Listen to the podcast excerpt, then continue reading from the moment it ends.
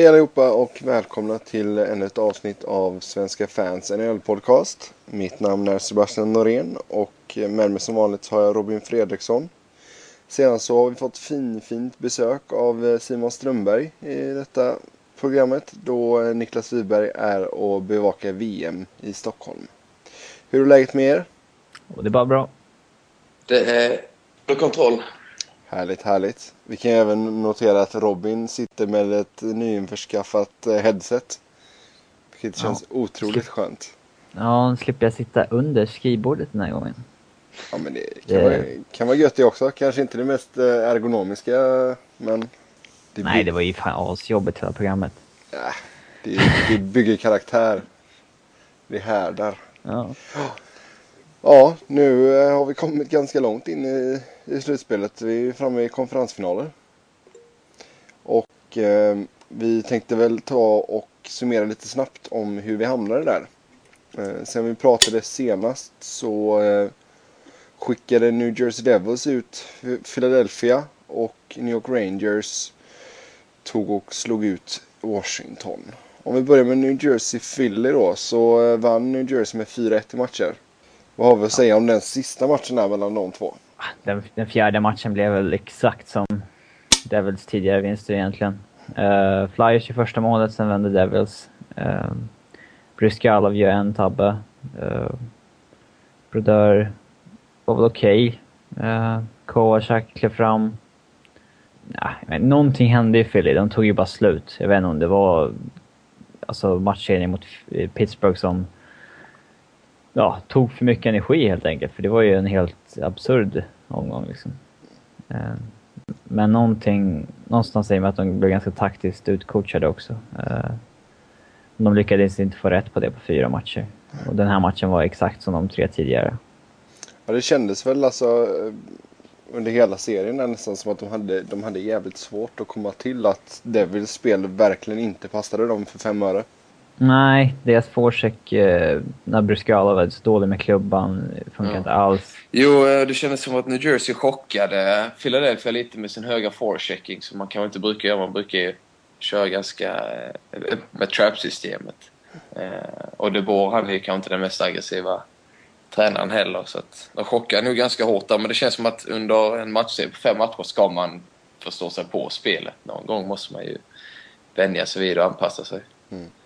Ja, Flyers försökte spela likadant men Brodeur är ju så jäkla bra med klubban, speciellt i jämförelse med Bruskalov, så han tog ju hand om det. Eh, mm.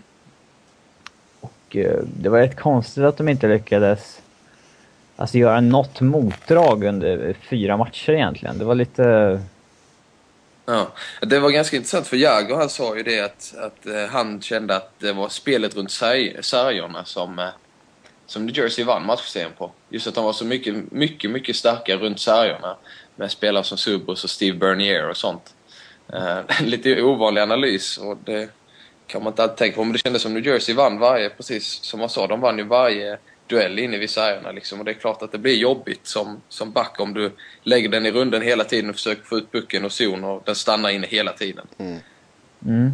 Ja, de, de, var, de såg verkligen alltså, mycket svagare ut, alltså fysiskt. Eh, vad det beror på om det var matchserien mot Pittsburgh som tog slut på dem eller inte, det, eller om det var bara alltså rent taktiskt, att de vann det taktiska slaget så att det såg ut som att de var starkare hela tiden. Eh, men... Eh, jo, men jag tror match, matchserien mot uh, Pittsburgh måste ju ha tagit på dem en del. Även, alltså inte bara fysiskt men även psykiskt. För jag menar, det, det var ju en sån sjuk serie. Ja, eh, alltså... Och Bruskalov var ju... Alltså han var ju ett frågetecken när man kom in i den här, uh, i den här matchen. Men han, han, är ändå, han var väl ändå den som var bäst i Flyers i de här fyra matcherna som de torskade. För att uh, resten av lagen följer bara ihop. Mm. Bruskalov var väl okej, okay, men... Alltså, det är fortfarande svårt att få någon trygghet med honom när han släpper in minst en alltså typ hur lätt puck som helst varje match, även om han spelar jättebra. Väldigt, eh, det, det kommer ju, alltså hela laget blir ju Känner man inte att man har förtroende för sin målvakt så blir hela laget darrigt. Så enkelt är det i försvarsspelet. Det spelar ingen roll om han gör tio kanonräddningar. Vet man om att det kommer en en, ja, ett billigt mål i varje match, då, då blir man ju såklart osäker. Mm. Ja, men just det här att man i försvarsspelet ibland kan liksom... Ja, om jag styr ut han här så... Därifrån så släpper han inte in det här skottet liksom. Kan det ju kännas som back då. Men eh, känner du då inte att han... Alltså vart han än skjuter ifrån så kan pucken gå in. Då spelar man inte alls likadant i, försvaret på samma sätt. Eh. Man blir lätt över över, alltså man överjobbar lite då för att man är inte säker på att härifrån ska kunna ta skottet utan då överjobbar man, man tappar sin position eller ja, man blir trött eller vad som helst. Ja, försöker få någon desperat pokecheck när man egentligen inte skulle göra det eller... Mm. Precis. Nå, om vi tar oss till den andra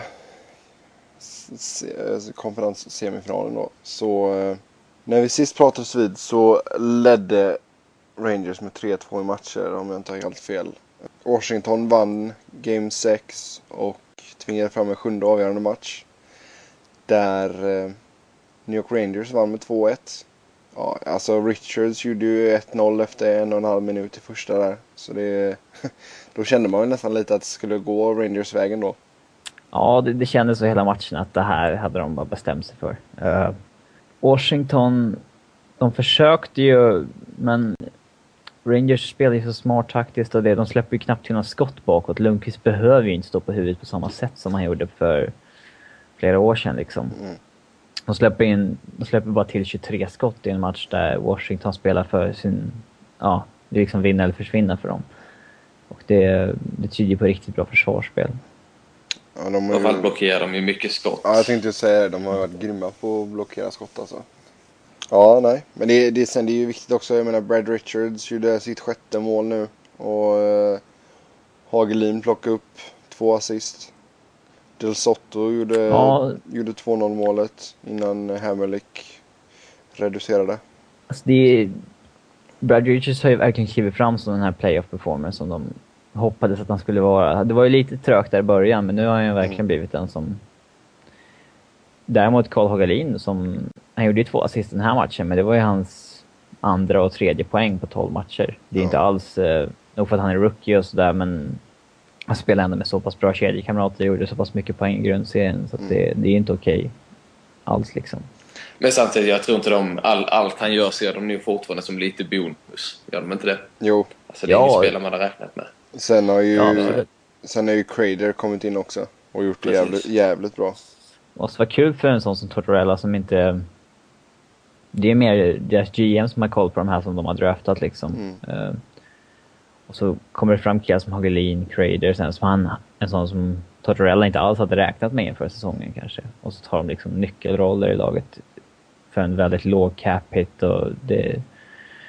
Det är ju liksom en megabonus verkligen. Mm, jo, och jag tror absolut, han är ju nog glad att han slipper ha Sean Avery med, med i slutspelet liksom.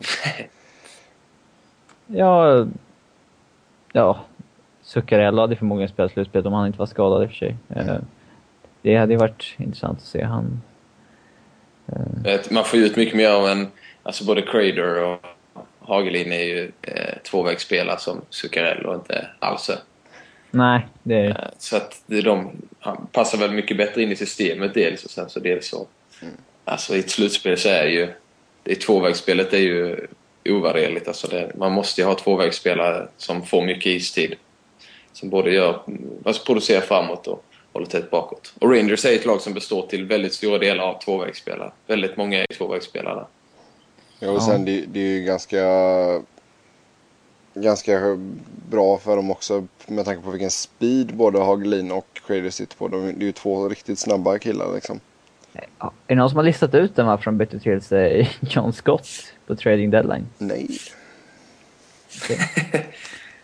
det, det, ja, ja, det var... fortfarande oklart alltså. För, för att göra någonting. Ja.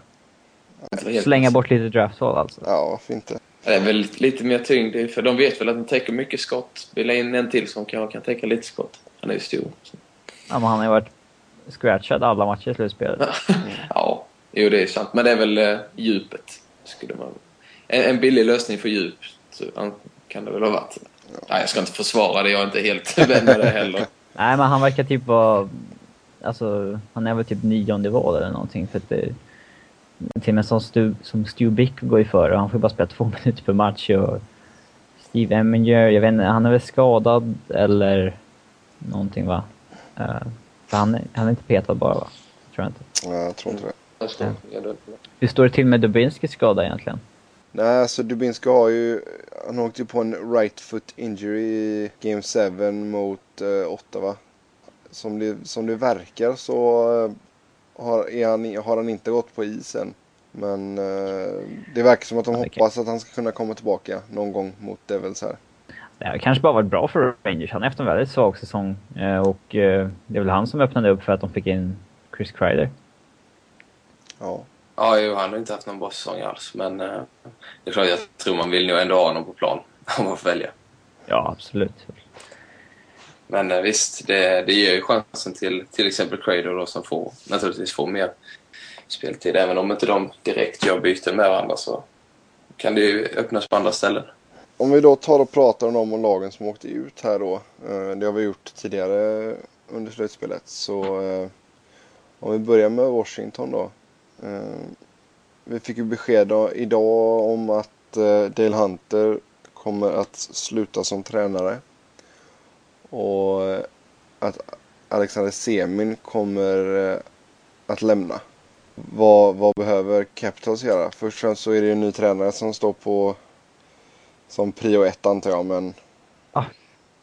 det, det finns väl en alltså, hel, framförallt hel måste man in en tränare snabbt.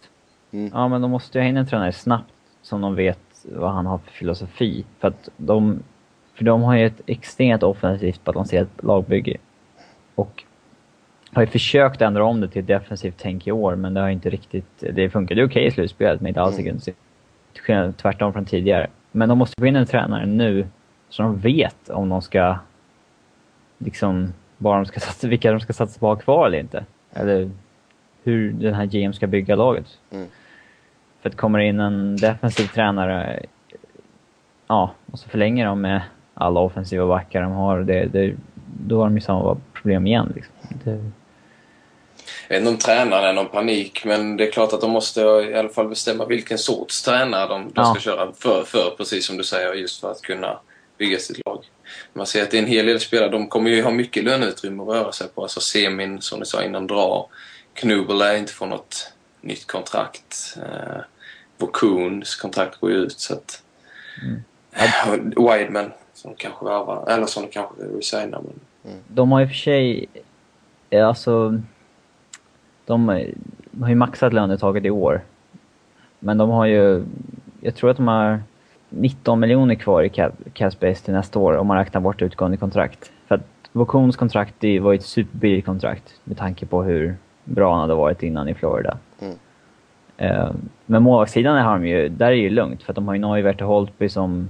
Det är ju två bra målvakter. Bägge, bägge kontrakt nästa år till en låg lön. Ja, exakt. Men på backsidan går en sån som John Carlsons kontrakt ut och han ska ju definitivt upp. Han tjänar ju på 845 000 idag. Mm. Han ska ju definitivt upp bra en bit. Ja, han kommer väl landa på 3-3,5. Ja, något sånt. Och Mike Greens kontrakt går ut och där är det ju liksom... Där vet jag inte riktigt vad, vad de tänker eller... Han lär väl få nytt kontrakt, det tror jag inte han behöver vara orolig för. Väl. Men äh, det är klart att han tjänar ju över 5 miljoner per säsong nu. Och det är svårt att se att han skulle få lägre just för att... Ja, man, man, man, sänker ju inte någon, någons lön sådär. Alltså Precis, inte, inte när man är 25, 26, 27 där någonstans. Nej, även fast han har haft... Det är ju liksom på grund av skador som han har... Hans poängproduktion har dalat liksom. Och sättet de spelar nu. Mm. Um, Men han lär ju knappast få en löneökning. Nej, absolut inte. Och jag tror det lär inte bli något tioårskontrakt. Liksom. Nej, det lär inte bli. Uh, sen så går ju Dennis Widemans kontrakt ut också. Förlänger de med Karlsson och med Green så tror jag inte de förlänger med Wideman. Även fast han har varit den, förmodligen den bästa av de tre. Men man kan inte ha liksom tre offensiva rightbackar eh, alltså, som i snurriga i egen zon om de ska få till något vettigt av den här försvarsbesättningen. Det... Då är, ju frågan vad man ska göra för som sagt han har enligt mig han har varit deras bästa back i år. Han var ju väldigt bra i Florida i fjol också så att han är en, han är den som producerar liksom. Men ska man då försöka trada honom, trada bort hans rättigheter men eller, eller vad gör man liksom? Man får, inget, man får inte jättemycket för en utgående UFA. Alltså i Dennis Wideman det känns som.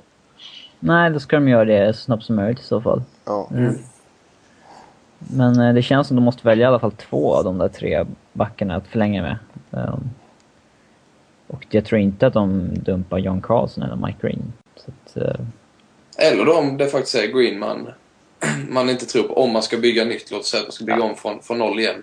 Det är klart, Ovechkin blir man inte av med och det vill man kanske inte heller. Men Green är en sån som man kanske faktiskt skulle kunna offra med tanke på hur det har sett ut de sista åren. Han passar inte alls in i spelsystemet. Och, och han, eh, även fast han har blivit bättre defensivt så men han är inte den backen i grund och botten. Och, och han, eh, ja, han, han, är inte, han kommer ju få, han kommer ju troligtvis bli lite överbetald känns det nästan som. Ja, han är ju restricted också så att de får ju, det är ju som att byta bort en, en spelare med kontrakt liksom. Mm. Um, ja. ja, det är väldigt intressant att se vad de gör där. De har ändå kontrakt med vissa andra backar. Roman Hammerlick på 3,5 över nästa säsong. Det är de inte så jätteglada för tror jag. Mm. Um, Jeff Schultz 2,75. Han har varit dålig ett tag nu men det är ändå inget så jättejobbigt kontrakt att sitta på. Men uh, ja, det, det, de kommer tvingas göra något stort på backsidan i alla fall. Uh, någon större förändring. Men så har de ju Orlov också som offensiv back så att det är Ja, fan, de kan ju spela med tre backar i powerplay i, i båda powerplay typ. Det är ju det är löjligt liksom. Eh, Forwardsidan däremot, där är det väl bara ja, typ köra på egentligen. För att, jag menar Ovechkin och Bäckström, det är deras franchise players så det är bara att köra vidare liksom. Eh, Semins kontrakt går ut och där öppnar det ju utrymme för att få in något spännande namn kanske. De har ändå många bra spelare liksom i Chimera, Brooks Like och Marcus Johansson har gjort en kanonsäsong på uppgång. Så att, uh, ja, forwardsidan ser ju intressant ut och det har han gjort flera år. Ja, samtidigt så, jag menar, Semin spelade ju bra nu i slutet av säsongen. Det, det var väl inte så konstigt för det, jag tycker man ser det ganska ofta, folk som sitter på utgående höjer sig lite. Ja. Han gjorde ju, vad är det, 84 poäng säsongen när han gick ut sist tror jag. Det har jag inte varit i nära av efter det. Så att, eh, ja. ja vi får det se. Som... Eh, det, det blir lite spännande att se vart han hamnar också faktiskt. Mm, Semin ja. Det, det snackas väl lite, alltså, ganska många klubbar som kanske skulle ta en chansning med Semin på ett ettårskontrakt så här. Men eh, jag tror att han... Ja, men det är ingen klubb som kommer ge honom 6,7 miljoner igen. Då tror jag att han väljer ett eh, ja, kontrakt i Ryssland före att gå ner i lön i någon annan klubb i NHL.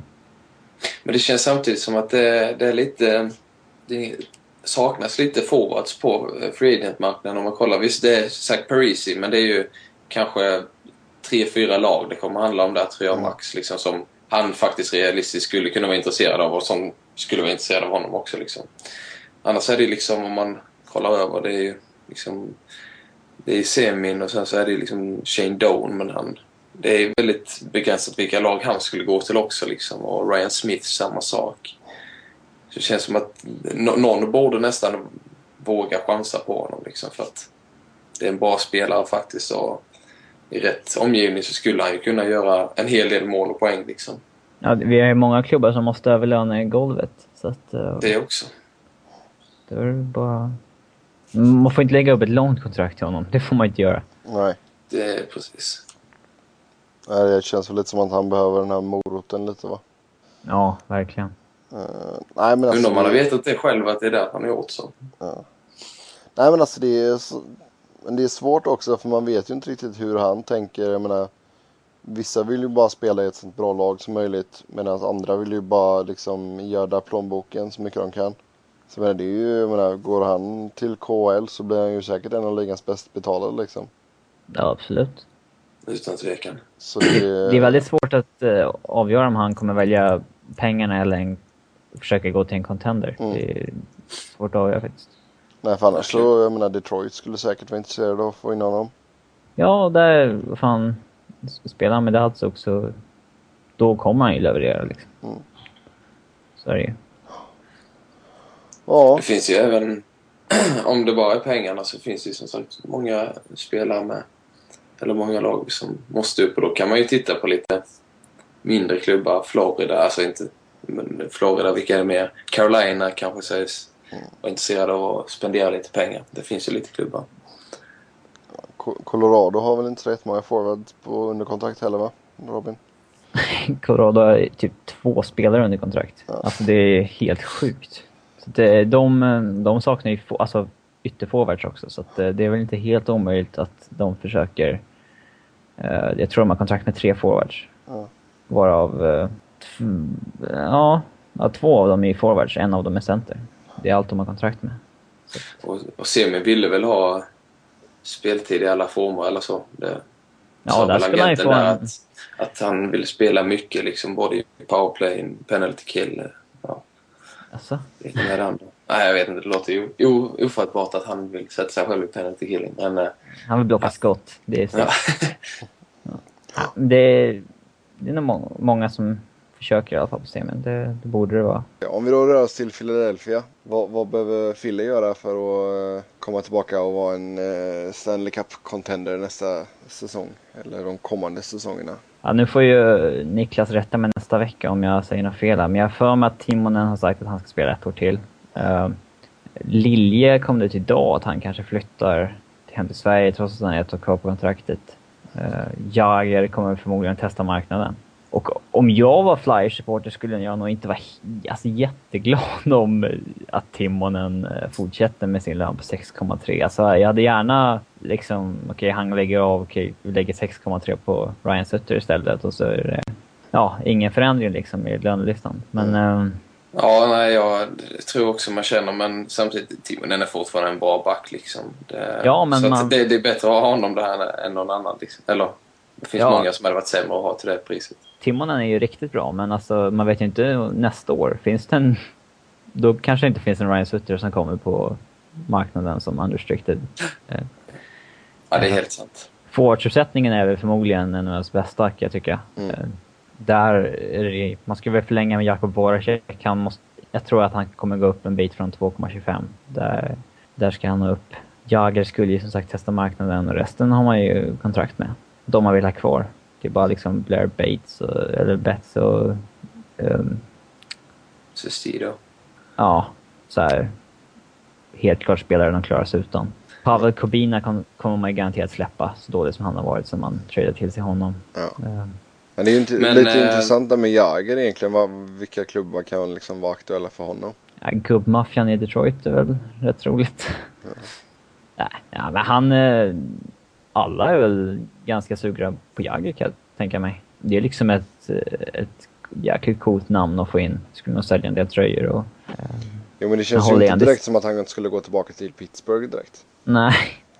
Eh, fast det, vi har ju sett spelare som har hoppat mellan Pittsburgh och Philadelphia tidigare rätt många gånger. Mike Recchi till exempel. Men eh, ser man, alltså ska han ta samma lön sådär så... Alltså det, mycket handlar nu om lönen på Jagr liksom helt enkelt. För att eh, Alltså, han, vissa lag kan använda honom till att komma över lönetaket, eller lönegolvet. Och vissa hade väl varit tvungna att verkligen trycka in honom för att få in honom, honom under lönetaket. Han säger, han, det sägs att han inte är riktigt eh, nöjd med speltiden i Philly. Och han, eh, han säger att det har varit det roligaste året i hans karriär, men eh, samtidigt så vill han spela mycket och det är han inte riktigt... Han får spela en andra kedja. Det är väl ganska mycket kan jag tycka, men eh, det, det han, han säger att han har en stor roll i alla fall. Det skulle han kunna få i många klubbar. Mm. Tror, tror du Ja, alltså det skulle ju vara de små klubbarna. Men en, alltså, vad skulle Jagr få ut av att gå till Colorado eller eh, New York Islanders? Eller, liksom, vad skulle han få ut av det? Sitta där och göra lite poäng och sen så inte ha någon chans på att gå långt i slutspelet. Skulle han vara sugen på det? Liksom? det han går inte in och får en stor roll i, i Pittsburgh eller i Rangers eller i eh, ja, vilka som helst. San Jose Kings. Ja, men om vi tar till exempel Detroit. De, de spelar ju med Bertuzzi i en första kedja liksom. Mm. Eh, och jag skulle hellre spela med Jagr liksom. Eh, och i en andra kedja så har de en Jiri Hudler bredvid Zetterberg. Så att det... Ja. ja, det skulle ju vara Detroit då kanske. Liksom, men annars så känns det som att vi, alltså, en andra kedja är väl vad man får satsa på om man inte vill, om man inte vill spela i ett bottenlag. Liksom. Ja, om man inte vill spela i typ Islanders eller någonting. Det, Ja. Nej, jag tror han skulle nog kunna gå in i första kedjan i, i Phoenix. Ja, det skulle han nog. Ehm, Det är svårt att säga, se dem som ett topplag även fast de är i conference-final nu. Det är bara... ja. Han får gå till ett av dynggängen som Phoenix, typ. typ som man tänker. Nej, men det, är, jag vet, det kan vara skönt. Det är soligt och fint i, i Arizona, så det kan vara gött.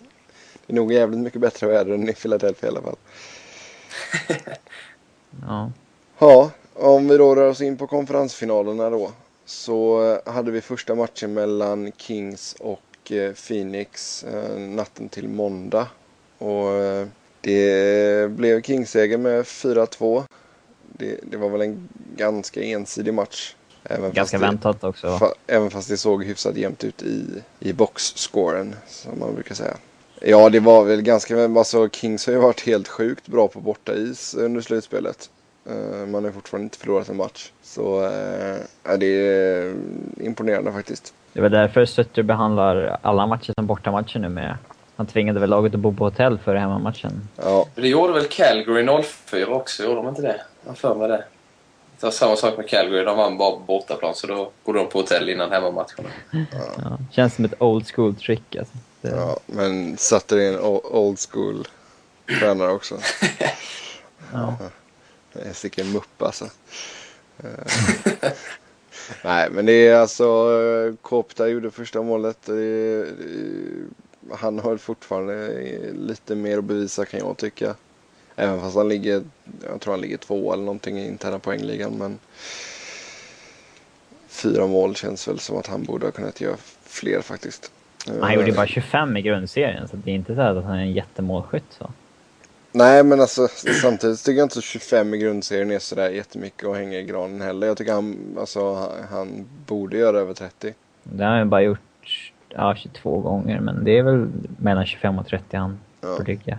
Det är som han har kapacitet att göra antar jag. Ju Men det... vad spelar det för roll när Dustin Brown är så bra som han är liksom? Ja, jo, det, roll. det har ju varit helt sjukt vilken jävla formtopp han har kommit in i. Det, Ja. det var jävligt vältajmat faktiskt.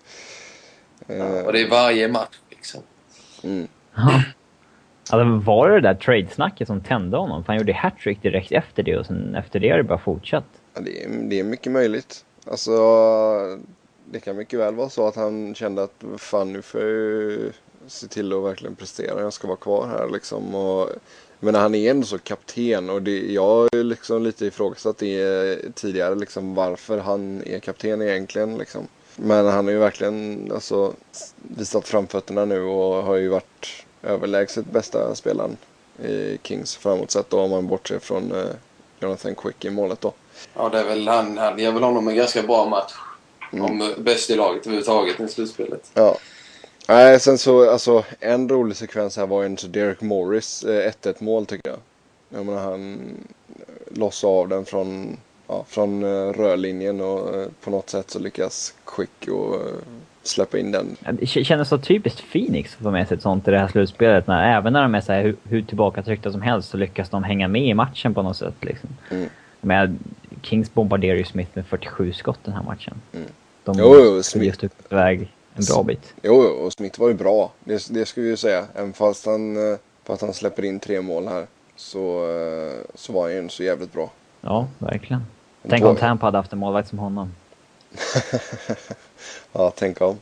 Men sen är inte jag säker på att han hade gjort samma utveckling i, om han hade varit kvar i Tampa faktiskt. Nej, inte alls. Han verkar ha klickat jättebra med Sean Burke och Ja, deras målvaktstränare. Um, Men är är det inte lite så alla målvakter som kommer till Phoenix blir bra på något sätt? Ja, men alltså... Bryskalov var helt okej när han kom dit, sen så blev han skitbra när han var i Phoenix. Sen så nu har han gått till Philadelphia, då är han ju tillbaka till sådär. Mike Smith kommer från jättemisslyckat i, i Tampa. Där han skitbra. Eh, Sean Burke är ett exempel på. Han kom ju till Phoenix i slutet av karriären. Var väl egentligen uträknad som NHL-målvakt. Kom in och tokdominerade. Jason men- Barbara står ju på huvudet varje match. Ja, Gud. alltså, det- prata inte om honom. Jag, nej, jag, or- jag orkar inte. Eh, nej, men alltså det, det har nog mycket med systemet att göra faktiskt tror jag. Eh, bra målvaktstränare och allt sånt där också men samtidigt så har man ett system som, som gyn- gynnar målvakter och det, det har vi ju tagit upp tidigare i, i podden här. Mm. Men, men det bygger ju självförtroende hos målvakten liksom. Ja, ja absolut. Ja. Och det är liksom, det, det, är inte så att även, även ifall de har haft en halvtaskig match och sådär så betyder inte det direkt att du hamnar på, på bänken liksom. Du får inte göra misstag och komma tillbaka från det liksom så att säga. Men eh, nej alltså King såg jävligt bra ut. Det är, eh, jag, jag tror ändå så att man, man som Kings-fan så börjar man bli eh, försiktig optimist här att man, man ska kunna gå hela vägen faktiskt. För jag, jag tror, det, det, här är ju min personliga åsikt, men jag tror att det, det laget som vinner eh, Western Conference-finalen kommer att ta hem hela skiten. Alltså. Ja, det, för ja. Jag, jag, tycker det känns som att man, man, man har en av de två bästa målvakterna i Western Conference-finalen. För jag menar, visst Henke var bra nu i natt och det, det kommer vi prata om senare, men sätter vi hela slutspelet... Han, har inte bärt laget på samma nej, sätt som exakt. Smith och Quick. Nej, sätter vi hela slutspelet så har Quick och Smith varit överlägset bäst. Och, mm. um... Sen har ju Rangers en mycket större offensiv uppsida än, uh, ja, i alla fall Phoenix. Mm. Nej, men jag, jag, tror att det, det... Skulle det vara så att Rangers och Phoenix skulle mötas i en final så tror så uh, det skulle bli sjukt täta matcher. Men jag tror, jag tror ändå så att just själva alltså, lagmoralen och allt sånt skulle göra så att Phoenix tog det. Sen hade det säkert blivit... Alla. Sen hade det säkert blivit i 4-3 matcher eller någonting men... Uh, nej men som sagt, ja, det laget som vinner i väst tror jag kommer plocka hem det. Sen, sen får vi se i, vad som händer. Men... Vinner Phoenix Stanley Cup? vad jag gör alltså. Ja vadå, kan, kan Tampa vinna så... Kan, ja. kan, så, jag menar, det är ju det som är skärmen med post lockout eller vad man ska säga, eller även lite innan lockout.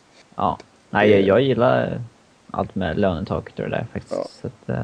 Överraskningar är roligt fast Phoenix är inte en av de roliga överraskningarna känns det inte så. Nej, det är, det är roligare med ett lag kommer upp och spelar en jättetok offensiv hockey och chockar alla så här, än uh, Phoenix som, de gör ju rätt jätte, alltså enormt bra efter sina förutsättningar men det är inte så, här, så att man tycker att det är kul med en sån uppstickare som utomstående. Det är alltså, det är som jag har sagt innan, är, man kör en Grekland liksom. Ja. Ja, jag, jag har inget emot den defensiva hockeyn. Det är väl mer bara Phoenix liksom. Phoenix. Finns det inget bättre lag i NHL?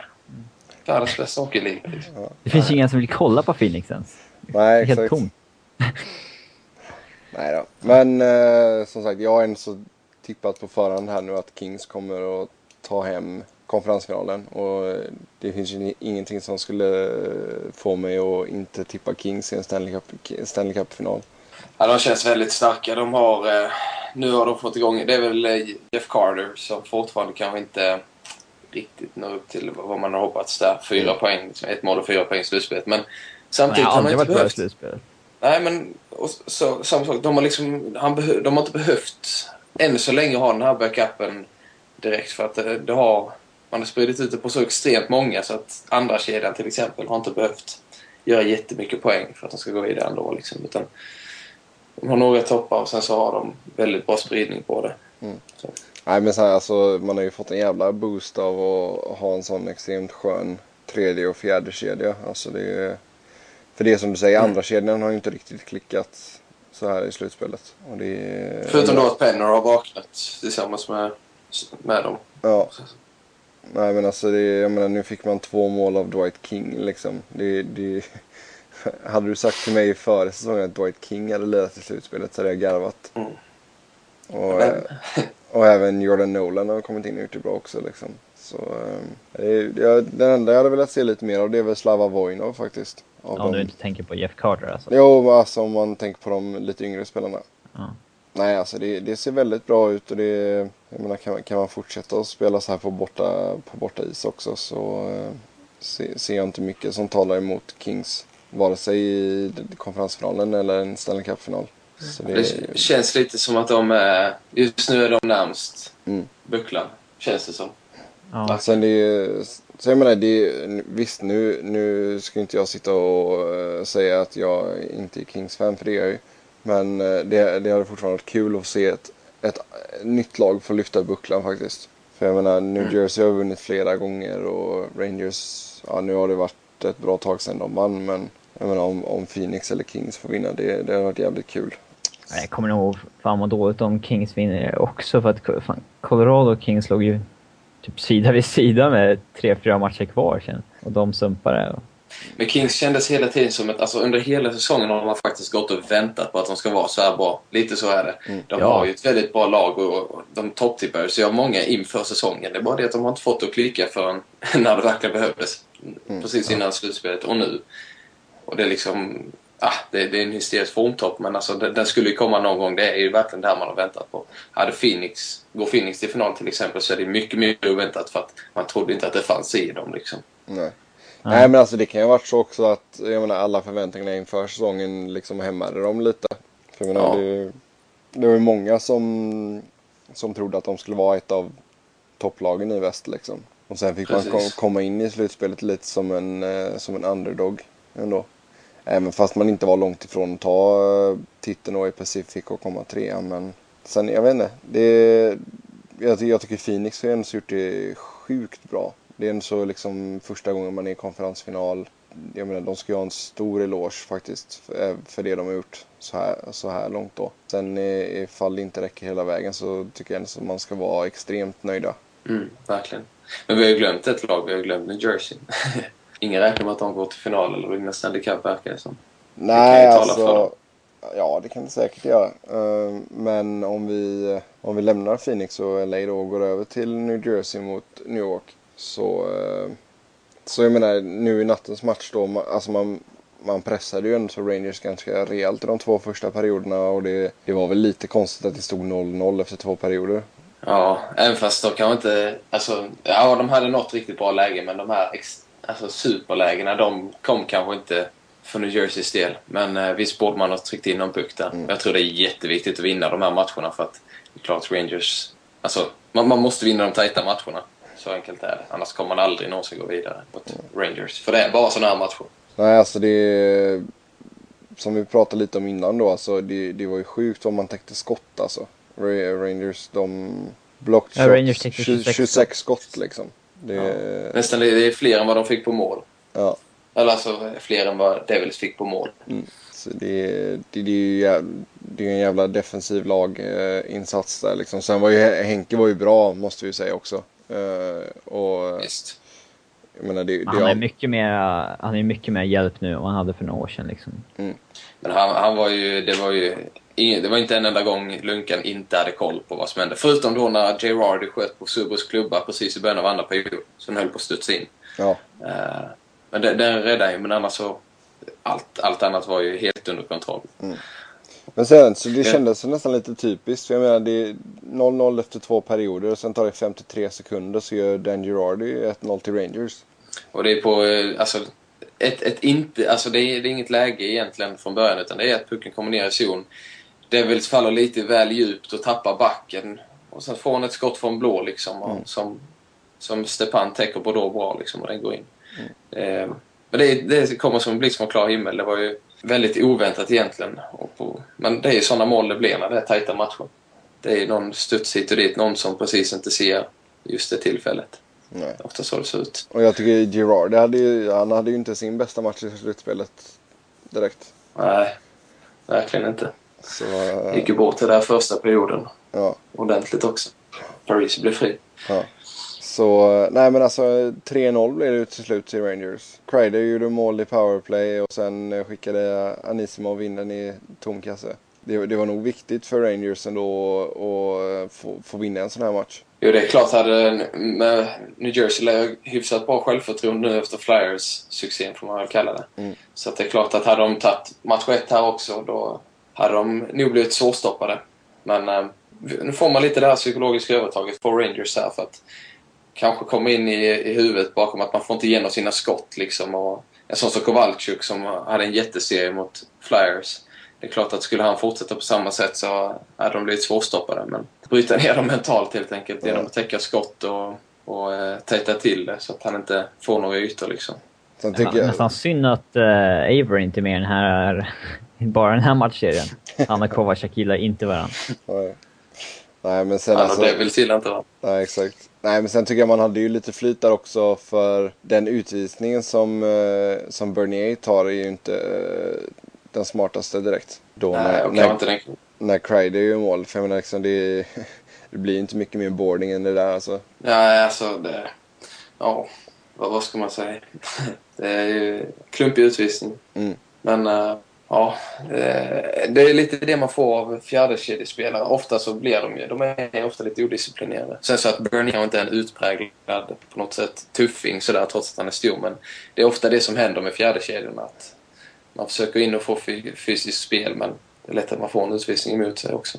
Annars så drog ju New Jersey på sig mer utvisning. Man var mer odisciplinerad i spelet. Eh, om man kollar, det var ju en period i andra, andra perioden tror jag det var. Var det en, ett tag där när New Jersey hade säkert tryck i två, två och en halv minut nere i Rangers zon och de kunde inte byta.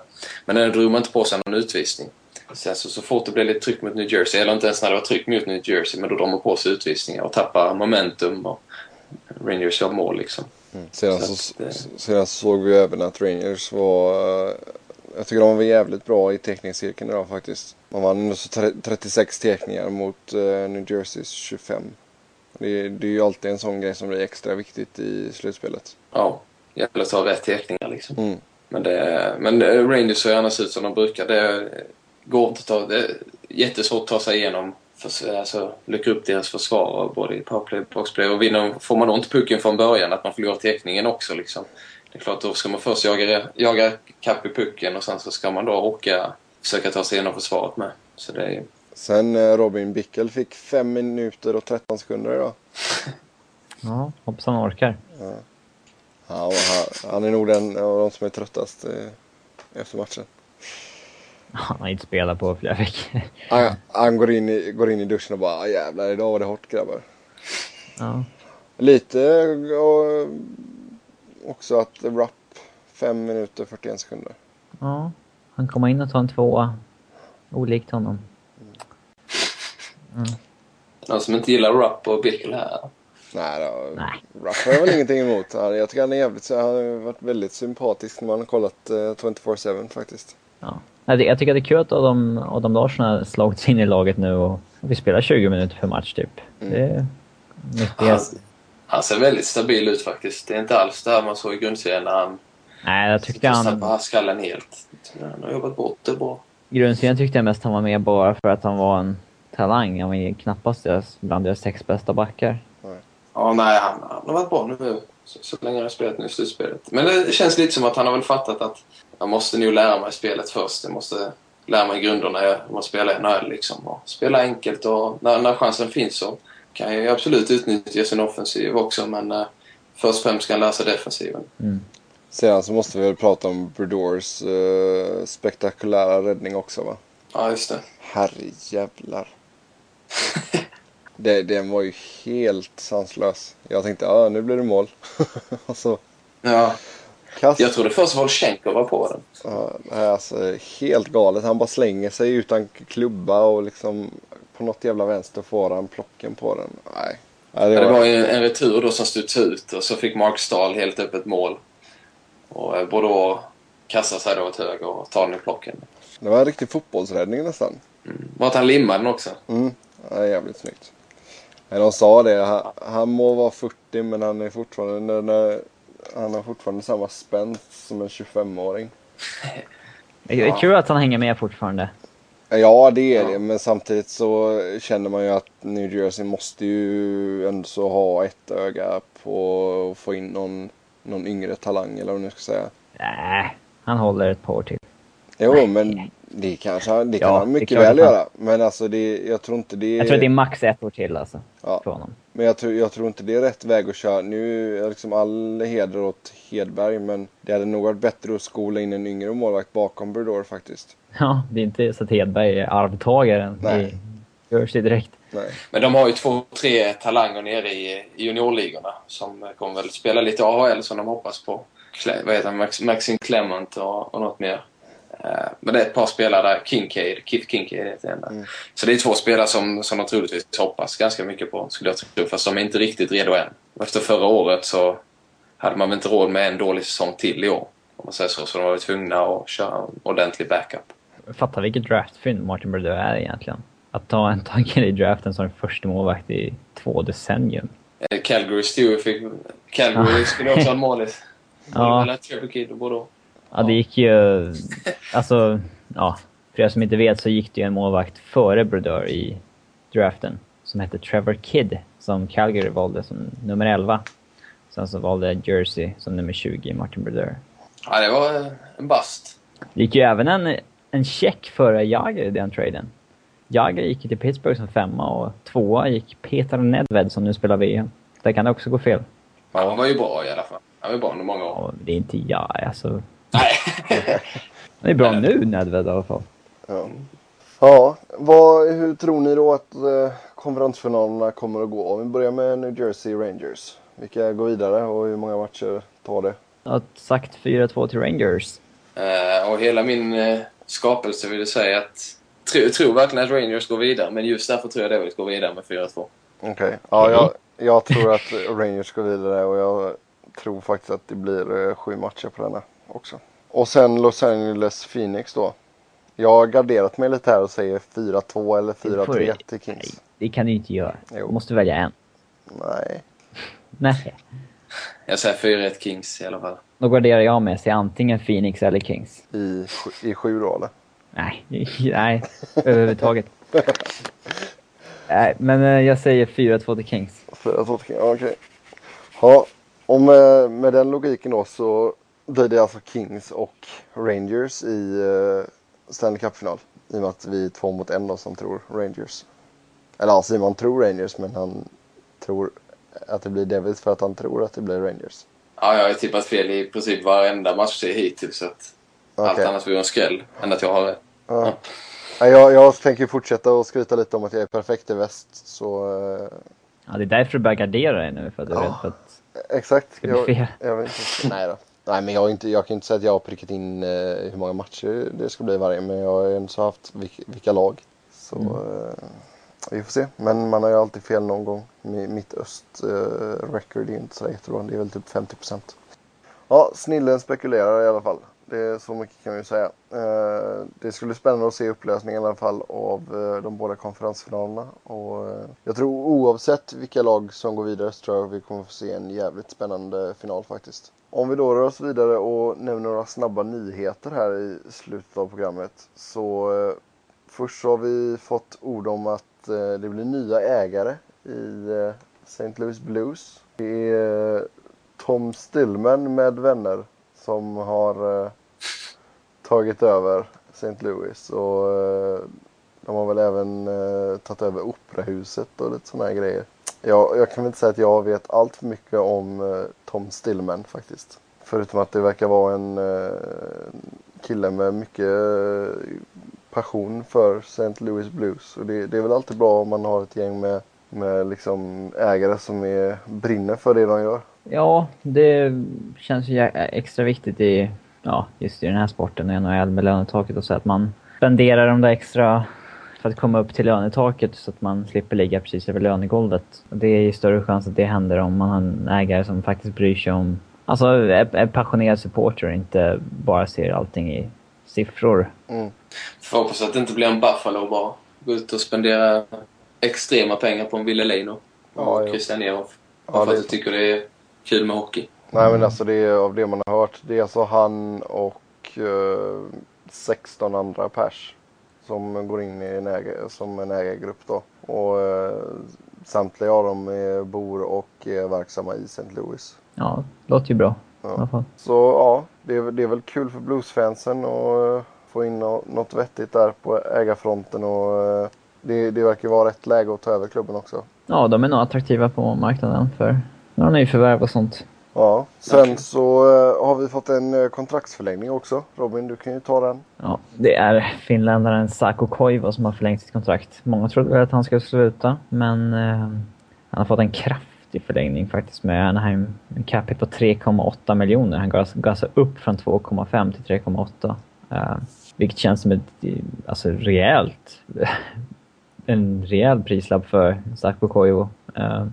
Han kommer vara ganska uttalad tredje center. Men eh, det sägs ju att det kan ha lite med att göra för att försöka locka kvar Timo Sellen ett, ett år också. Um, att, att, att bägge två ska fortsätta. Mm. Det, det är ganska otroligt om bara en av dem skulle göra det. Det tror jag inte riktigt på. Um, Nej men Anaheim känns väl lite smått desperat också. ja, så kan det ju vara. För det, jag, jag tror inte det är många som vill gå till Anaheim direkt just nu. Nej, de känns inte jätteheta. Det är inte så många som kollar på deras matcher och... Uh, Och vem fan vill spela med Getzlaff? det är väl nog rätt många. Han verkar trevlig. Det är kanske inte det roligaste stället att spela hockey på just nu. Men ändå, det, de har ju sparkapital i, i Getzlaff, Perry och Ryan, så det är klart att... Med, Ja, de- de med kommer- bra säsong så är de ju med i toppen igen faktiskt. Så att, helt, helt oattraktiva borde de inte vara. Ja, och eh, med det så tackar vi för oss för denna veckan.